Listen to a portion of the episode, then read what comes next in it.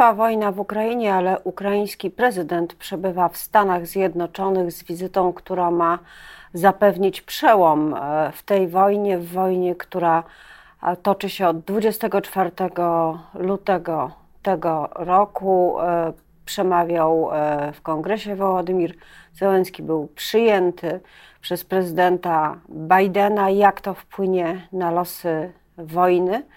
E, okaże się już niedługo, a przede wszystkim e, dzięki temu, e, że będziemy wiedzieć, jak deklaracje przełożą się na zwiększenie uzbrojenia w Polsce. Za to wciąż daleko do jakiegokolwiek porozumienia w sprawie środków z Funduszu Odbudowy, w sprawie Krajowego Planu Odbudowy. Wszystko odłożone na poświętach, a wydaje się, że politycy już bardziej zajmują się tym, kto usiądzie z nimi do wigilijnego stołu, niż tym, kiedy pojawią się środki, szczególnie politycy partii rządzącej. I o tym już za chwilę będę rozmawiała z moim gościem, Zuzanna Dąbrowska. Dzień dobry.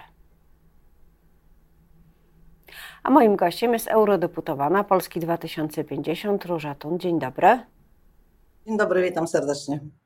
Najpierw powiedzmy o tej e, wizycie, która e, rzeczywiście no, wszyscy komentatorzy od razu podkreślają, że jest to wizyta historyczna, że takie spotkanie jest historyczne, że sposób, w jaki przemawiał Zełenski jest historyczny. Nawet to, jak był ubrany, jako, jako szef państwa, które jest na wojnie, które walczy w tą zieloną wojskową, czy też w kolorze wojskowym bluzę. Wszystko to jest e, historyczne, ale pytanie, czy konsekwencje też takie będą, czyli czy Zełenski załatwi to, po co przyjechał, czy Bidenowi uda się to przeprowadzić i przez obie izby i też znaleźć poparcie w społeczeństwie amerykańskim. No, na pewno Zeleński jest postacią bardzo charyzmatyczną. I na pewno na ludziach, no w ogóle na całym świecie robi ogromne wrażenie to, jak e, Ukraińcy bohatersko się bronią przed tą e, nawałnicą rosyjską, której teraz doświadczają. I teraz jego osobisty kontakt, bo on już był parę razy, prawda? Tylko online. On, był, on z ekranu przemawiał do nich wielokrotnie. Nie wielokrotnie może, ale kilka razy już przemawiał. Jego żona również. E, a teraz go widzą osobiście. Widzą tego żołnierza, szefa państwa i żołnierza, który e, mówi im, że życie milionów ludzi zależy od tego, czy oni się wykażą solidarnością e, i czy sięgną głębiej do kieszeni i czy będą jeszcze w dalszym ciągu skłonni wysyłać im broni, bez której po prostu tam będzie masakra bez tej broni Rosjanie ich wymordują, zniszczą im jeszcze bardziej infrastrukturę niż to robią. I ja myślę jednak, że to, że on wyjechał z Ukrainy, um, pierwszy raz przecież podczas tej wojny wyjechał, on podejmuje różnych ludzi w Kijowie, ale teraz wyjechał.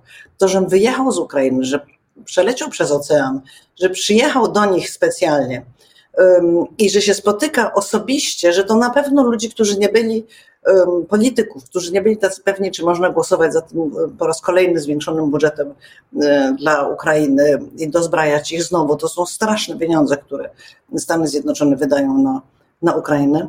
Myślę, że ich to zmobilizuje. Myślę, że ich to na pewno zmobilizuje. Taki osobisty kontakt um, Zeleńskiego, który potrafi wyczuć salę, rozumie tych ludzi i rzeczywiście jest takim świadkiem, um, świadkiem no właśnie nie, nie tylko bohaterstwa ty, tych Ukraińców, którzy się bronią przed Rosjanami, ale tej dzikiej nawałnicy, tej, tego niszczenia naszej zachodniej Okrucieństwa. E, pani poseł, a czy, czy należałoby się spodziewać także jakiegoś e, gestu dyplomatycznego, może gest to nie jest najlepsze słowo, czy kontaktu e, w relacjach międzynarodowych z Polską, kiedy prezydent Ukrainy będzie wracał, bo wiadomo, że przejechał, przesiadał się w Polsce. Czy to e, zdaniem Pani jest w ogóle niebezpieczna podróż i można tak planować różnego rodzaju aktywność, która no, w czasach pokoju nie jest niczym nadzwyczajnym, ale teraz naraża życie? No, całe jego życie jest niebezpieczne od lutego tego roku, prawda? Całe jego życie jest niebezpieczne. Przecież na Kijów lecą bomby tak samo. On się poza tym porusza po Ukrainie, jeździ tam, gdzie trzeba porozmawiać z żołnierzami, z ludźmi, dodać im ducha. To jest człowiek, który się kompletnie nie oszczędza. No tak jak bardzo wielu Ukraińców. Także on będzie robił to, co dla Ukrainy jest konieczne dzisiaj żeby zmobilizować właśnie inne kraje, i w Europie, i jak widać właśnie Stany Zjednoczone, żeby pomagały Ukrainie. I, a my musimy sami to rozumieć, bez tego, czy Zeleński się u nas zatrzyma, czy się nie zatrzyma. Że my musimy wszystko robić, żeby pomóc im no, naprawdę bronić naszej cywilizacji. To, co oni w tej chwili robią, oni bronią nas wszystkich, prawda? I, I my nie potrzebujemy specjalnych wysiłków ze strony Ukrainy. Jeżeli jeszcze nie rozumiemy tego, że to jest nasza sprawa i nasza wojna, to to by było fatalne, prawda? Więc ja myślę, że my powinniśmy oszczędzać Zeleńskiemu wszelkich wysiłków, kroków dyplomatycznych i tak dalej i po prostu walczyć um, razem z Ukraińcami na tyle, na ile tylko nas stać, e, mamy sił e, albo więcej. Jak Pani ocenia e, taką e, mobilizację do pomagania Ukrainie wśród kolegów i koleżanek w Parlamencie Europejskim? Wiadomo, że atmosfera się zmienia. Niektóre kraje e, zaczynają mieć większy dystans, niektórzy przywódcy jednocześnie ta pomoc cały czas jest uchwalana. Przecież ostatnio ten element czteropaku, czyli 18 miliardów euro, jednak udało się przyjąć. Jaką by ocenę Pani wystawiła wspólnocie europejskiej w tej chwili, na tym etapie wojny, jeśli chodzi o wsparcie Ukrainy? Ja byłam przerażona, muszę przyznać przez chwilę, że akurat polski rząd może być tym, który zablokuje 18 miliardów e, euro dla Ukrainy, bo był taki moment. Najpierw Orban blokował te pieniądze, najbliższy współpracownik, czy jak powiedzieć, naj, naj, naj, najbliższy towarzysz e, rządu w Polsce. Potem Morawiecki e, blokował te pieniądze i to jest coś strasznego, że w ogóle takie handle odchodzą, kiedy my powinniśmy raczej się domagać, żeby tych pieniędzy było więcej dla Ukrainy, kiedy to zawsze my mieliśmy być tym ambasadorem dla Ukrainy, prawda? W Unii Europejskiej. No i jakim my jesteśmy ambasadorem? Że nawet groźba taka zawisła, że akurat że akurat polski rząd zablokuje te pieniądze. Krótko to było na szczęście, ale było. No, to, było to był skandaliczny moment rzeczywiście. Ale no, bardzo, to znaczy, to w ogóle jest taka sytuacja, której nigdy nie było. Unia Europejska nigdy nie kupowała broni dla kraju w ogóle dla kraju trzeciego. W ogóle to jest ewenement, że, że Unia Europejska zdecydowała się wydawać takie pieniądze na broń dla kraju trzeciego, prawda? Że e, tę szybką ścieżkę um, tych um, pozwoleń na pobyt um, zorganizowano dla uchodźców ukraińskich. No jest ogromna otwartość rzeczywiście, żeby im pomagać. Teraz dostali Nagrodę Sacharowa, to jest taka najważniejsza nagroda, którą przydziela mm, Parlament Europejski i to otrzymał e, Władimir Zeleński i bohaterscy Ukraińcy, którzy walczą o wolność naszą i waszą. I no, no teraz ostatnio gościłam nawet e, w Polsce taką grupę Francuzów, którzy, polityków z Francji, którzy jechali do Kijowa i przejeżdżali przez Polskę i tutaj też mieli kilka spotkań. I tych ludzi wyjeżdża dosyć dużo do Ukrainy, żeby utrzymać ten kontakt. Z różnych krajów Unii Europejskiej jeżdżą tam, trochę żeby pokazać, że to jest kraj, z którym mamy stosunki dyplomatyczne i proszę bardzo, wojna wojną, ale my przygotowujemy się do przyjęcia Ukrainy do Unii Europejskiej. I to, to jest kraj, to są nasi ludzie, to jest, oni są jednym z nas. I uważam, że to jest bardzo, bardzo dobre, że nie tylko szefowa Parlamentu Europejskiego, Komisji Europejskiej, prawda, Roberta Metzola, czy Ursula von der Leyen, e, czy szef Rady jeżdżą, ale właśnie, że grupy polityków zaangażowanych e, w sprawy tego wschodniego sąsiedztwa albo rozumiejący, że trzeba bardziej pomagać na, e, w Ukrainie. Czy to się utrzyma? Pani poseł, bo mamy przed sobą perspektywę ciężkiej zimy, e, pewnej stagnacji, zamrożenia. No pewnie wszyscy czekają na to, jak, jak się pogoda ułoży, jakie będą warunki do toczenia tej, e, tej wojny e, i czy to nie powoduje demobilizacji w zachodniej opinii publicznej i politycznej? Ja uważam, że my musimy właściwie, co, o, o, czym my rozmawiamy, prawda? My musimy patrzeć na to, żebyśmy my byli zmobilizowani. Patrzmy na siebie. Czy my jesteśmy bardzo zmobilizowani? Czy my dajemy dobry przykład tym krajom zachodnim, prawda? To jest nasz sąsiad Ukraina. Y, nam jest łatwiej z nimi się porozumiewać, bo nasze języki są bardzo podobne, bo znamy ich, bo to jest, no, jesteśmy bardzo blisko siebie. I i połączeni jesteśmy milionami różnych nitek, nie tylko historycznych, ale i aktualnych. No, oczywiście, że jest Ukraina jest dalej dla e, Hiszpanów, Portugalczyków. To jest trochę taki kraj, o którym się słyszy, ale to nie jest kraj, gdzie się ma znajomych, przyjaciół, uchodźców w domu, na ogół przynajmniej. I tak dalej. To jest bardzo daleki kraj, więc to, że oni w ogóle są na tyle zmobilizowani, co są i że zgadzają się na te wszystkie sankcje na Rosję, które są dla nich bardzo kosztowne i biorą w nich udział, to już jest imponujące, muszę przyznać. Mm, I myślę, że to zostanie jednak, bo my też się bardzo staramy o to, żeby Ukraina była obecna w Parlamencie Europejskim. Też w taki fizyczny sposób. Ludzie przyjeżdżają albo łączymy się z nimi online. I w wielu krajach e, tak jest. Prasa pisze bardzo dużo. E, media pokazują, oczywiście nie tak dużo jak u nas. Media pokazują, ale ja bym się nie zastanawiała tutaj jako Polka, czy my jako Polacy, czy Zachód będzie w dalszym ciągu pomagał.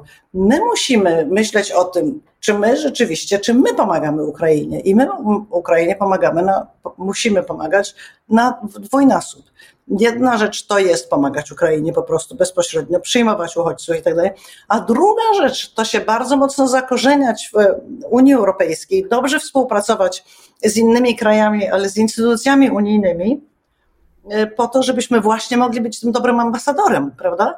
Nie droczyć się z Unią, e, obrzucać najgorszymi obelgami możliwymi sąsiadów z Zachodu i tak dalej. Tylko właśnie, jeżeli chcemy być tym ambasadorem, to powinniśmy być wzorowymi członkami Unii Europejskiej, wnosić tam swoją myśl um, i wymogi, um, ale my będziemy tylko słuchani, jeżeli będziemy porządnie współpracować. Prawda? Ale to w ogóle nie jesteśmy dla Ukrainy pomocni. Wspomniała Pani o, o, drugim e, ważnym temacie naszej rozmowy, czyli relacjach z Unią Europejską, szczególnie w kontekście stanu zawieszenia, e, zamrożenia, jeżeli chodzi o środki z Funduszu Odbudowy, przyjęcie e, Krajowego Planu Odbudowy. Do 11 stycznia Sejm e, odroczył e, obrady, ale nie wiem, czy jest możliwe, żeby w ogóle ta ustawa, którą zgłosił premier Morawiecki, jako już absolutnie dogadaną e, z Komisją Europejską, w ogóle powróciła pod obrady. Może trzeba będzie pisać coś zupełnie nowego. Znaczy, kłamanie też nie pomaga specjalnie w relacjach z Unią. Jak my mamy wnosić jakiś głos twórczy, E, do debaty na przykład o Ukrainie, prawda? Jeżeli my kłamiemy, czy jeżeli rząd e, polski kłamie w takich podstawowych rzeczach, jak na przykład ten projekt ustawy, e, przyjeżdża do Polski z Brukseli i twierdzi, że to dogadane jest do ostatniego przecinka, a potem komisarze mówią, że jak, przepraszam, do jakiego przecinka? To naprawdę trzeba kompletnie nie znać funkcjonowania Komisji Europejskiej też, żeby uwierzyć w takie rzeczy. Komisja Europejska nigdy nie przyjmie projektu ustawy, który nie przeszedł przez Sejm. W życiu żaden komisarz nie powie, e, tak musicie to wdrożyć, e, przepuścić przez Sejm, a wtedy my odblokowujemy pieniądze. Są kamienie milowe, wyznaczone już dawno temu. Ta instytucja jest bardzo transparentna, bardzo konsekwentna. E, Mateusz Morawiecki zdecydował, czy przygotował te kamienie milowe, one zostały wynegocjowane, podpisane i teraz je trzeba wypełnić, a nie opowiadać jakieś historie, o tutaj troszkę będziemy łamać prawo, a troszkę nie. Proszę bardzo, mamy projekt ustawy, który dopuszcza w pewnych momentach łamanie prawa, jak na przykład nie zdejmuje ustawy kagańcowej, ale myśmy się tam dogadali w Komisji Europejskiej, że jeżeli to przejdzie przez Sejm, no to nasze pieniądze będą odblokowane. Co, co to w ogóle za rozmowa? Ale czy to znaczy, że premier i e, wiceminister spraw zagranicznych odpowiedzialny za negocjacje Szymon Szynkowski-Welsenk po prostu mijali się z prawdą, kłamali, mówiąc wprost? Wszystko na to wskazuje, prawda? Dlatego, że nie, nie potwierdziła Komisja Europejska. Zresztą znając funkcjonowanie Komisji Europejskiej, wiadomo, że oni nie przygotowują ustaw, projektów ustaw dla krajów członkowskich. To po prostu jest niemożliwe. Więc to wszystko w ogóle zakrawa na jakąś totalną farsę, żeby przyjeżdżać z jakąś kartką i mówić, że to jest ustawa wynegocjowana z komisją, teraz musimy to przepchnąć przez Sejm, głosujcie, głosujcie wszyscy, to wtedy będą pieniądze. A my świetnie wiemy, cała opozycja wie, że rząd blokuje pieniądze, które Polakom są koniecznie potrzebne. Wszystko chcemy zrobić, co się da, cała opozycja żeby te pieniądze nareszcie przypłynęły, ale łamanie prawa, mówienie, że my za pieniądze sprzedamy praworządność, no to by było coś bardzo niebezpiecznego i żeby Komisja Europejska tego od nas wymagała, że trochę sobie połamiecie prawo, y, to my y, pieniądze wam przelejemy. Chyba każdy człowiek z mojego pokolenia na pewno też wie, że kraj, w który, kraj, który nie jest praworządny, y, kraj auto, z autorytarnym rządem, pozostaje zawsze w biedzie. Na jakiś czas może dostać pieniądze pomocowe, ale potem i tak jest bieda. Kraje autorytarne, nie rządzące się nie rządzące się prawem i bez wolnego rynku i tak dalej, i tak dalej, po prostu nie funkcjonują dobrze nigdzie na świecie. Chyba, że mają ropę, chyba, że mają ropę naftową, pani poseł, wtedy jakoś to wszystko... jest ropą naftową też nie funkcjonują dobrze, przepraszam bardzo, jeżeli tam nie ma demokracji, proszę zauważyć, że jest trochę ludzi, którzy są potwornie bogaci, ale ogromna większość żyje w makabrycznych warunkach. Także to nie jest dla nas przykład akurat te kraje, które mają ropę, czy to życie jest takie, którego byśmy sobie życzyli dla Polski, to przyznam, że wątpię. Pani poseł, co będzie dalej z, z, tymi pieniędzmi? Padła ta data 11 stycznia. Co tu można zrobić? Czy, czy opozycja ma jeszcze coś do zrobienia?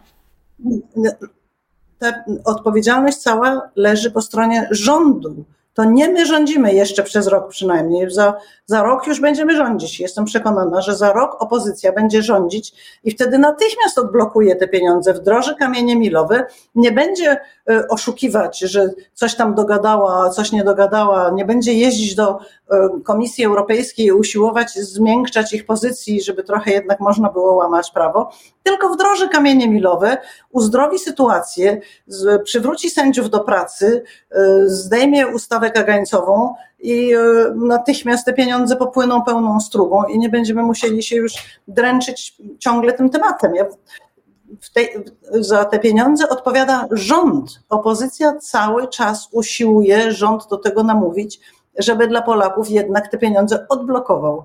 Ludzie tych pieniędzy naprawdę dramatycznie potrzebują. Czy jest na to szansa? w tej chwili, na, na, na tym etapie, czy? Oczywiście, że jest szansa. To w ogóle, ja, ja, w ogóle nie rozumiem, czemu oni nie chcą wdrożyć kamieni milowych i czemu chcą łamać prawo. Czy to jest taka ambicja szalona, żeby niszczyć Polskę?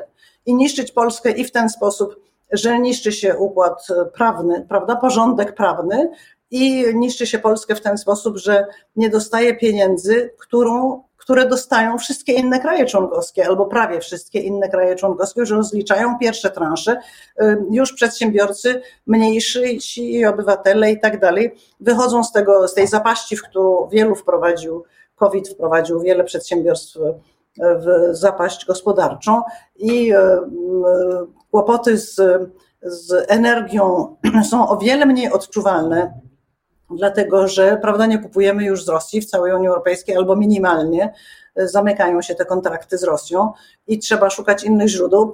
Pomoc finansowa jest potrzebna. W Polsce tak samo byśmy mogli rozwijać w ogóle zielone źródła energii, finansować nowe źródła energii. No, ta, ta energia byłaby znacznie tańsza. I z jakichś przyczyn rząd uważa, że niszczenie trójpodziału władzy, czyli niezawisłego e, systemu sprawiedliwości, sądownictwa, jest ważniejsze e, niż to, żebyśmy e, gospodarczo się dobrze rozwijali. To jest po prostu niewiarygodna sytuacja. I to, pamiętajmy, odpowiedzialność za to jest 100% w rękach rządu. Na tym wniosku, chociaż nie jest on zbyt optymistyczny, musimy zakończyć naszą rozmowę, za którą bardzo Pani dziękuję. Moim gościem była eurodeputowana Polski 2050, Róża Tun. Dobrych i spokojnych świąt. Dobrych świąt i proszę nie zostawiać pustego miejsca przy stole, bo naprawdę w Polsce jest w tej chwili dużo ludzi, którzy chętnie by to miejsce zajęli. Proszę się nie bać ich zaprosić do domu. E, ja się przyłączam do tego apelu, bo e, w takiej sytuacji, jaka jest, puste miejsce to marnotrawstwo miejsca. Przyjmijmy kogoś, kto tego potrzebuje.